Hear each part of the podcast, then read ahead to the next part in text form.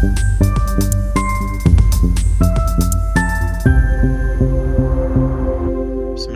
الرحمن الرحيم. السلام عليكم ورحمة الله وبركاته. عدنا لكم أعزائي المستمعين في حلقة جديدة.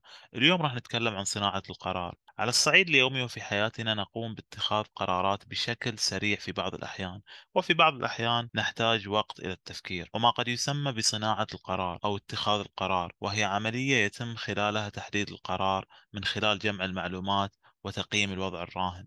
قد يبدو من التعريف أنها مرحلة بسيطة ولكنها أكثر تعقيدا مما تبدو عليه.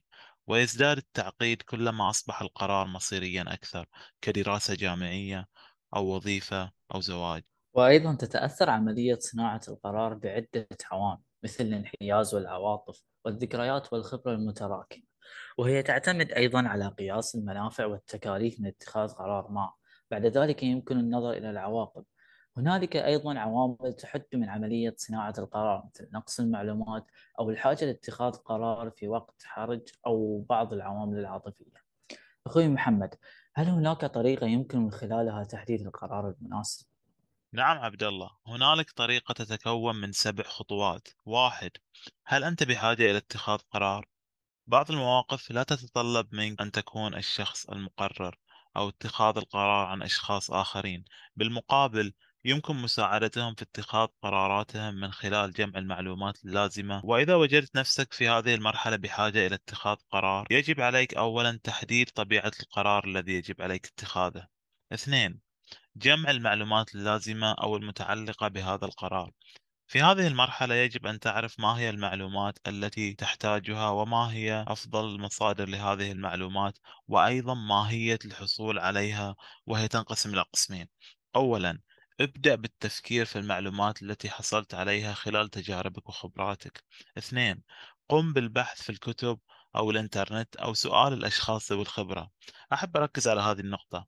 يجب عليك استشارة الخبير أو الشخص المجرب للحصول على أفضل رأي ممكن وليس عليك اتباع ذلك كليا ولكن اجمعه وسوف تستخدمه في مرحلة أخرى من مراحل صناعة القرار.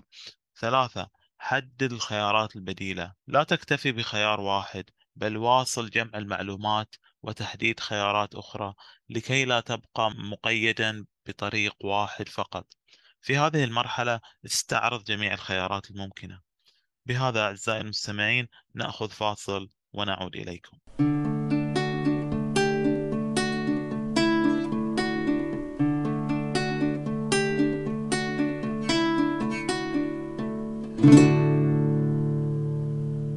عدنا لكم من جديد أعزائي المستمعين نكمل موضوعنا.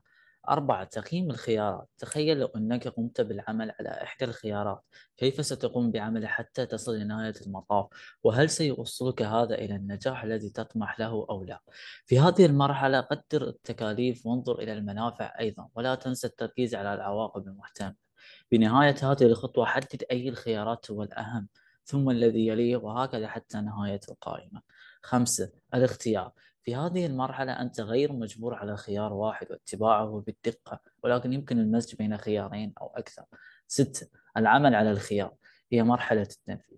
أحب أؤكد إذا اكتشفت أن قرارك قد لا يكون الأفضل فلا تتردد في التراجع. وأيضا إذا رأيت أنه أصعب ما تصورته ولكنه سيؤدي بك إلى نتيجة إيجابية فواصل العمل عليه بجد.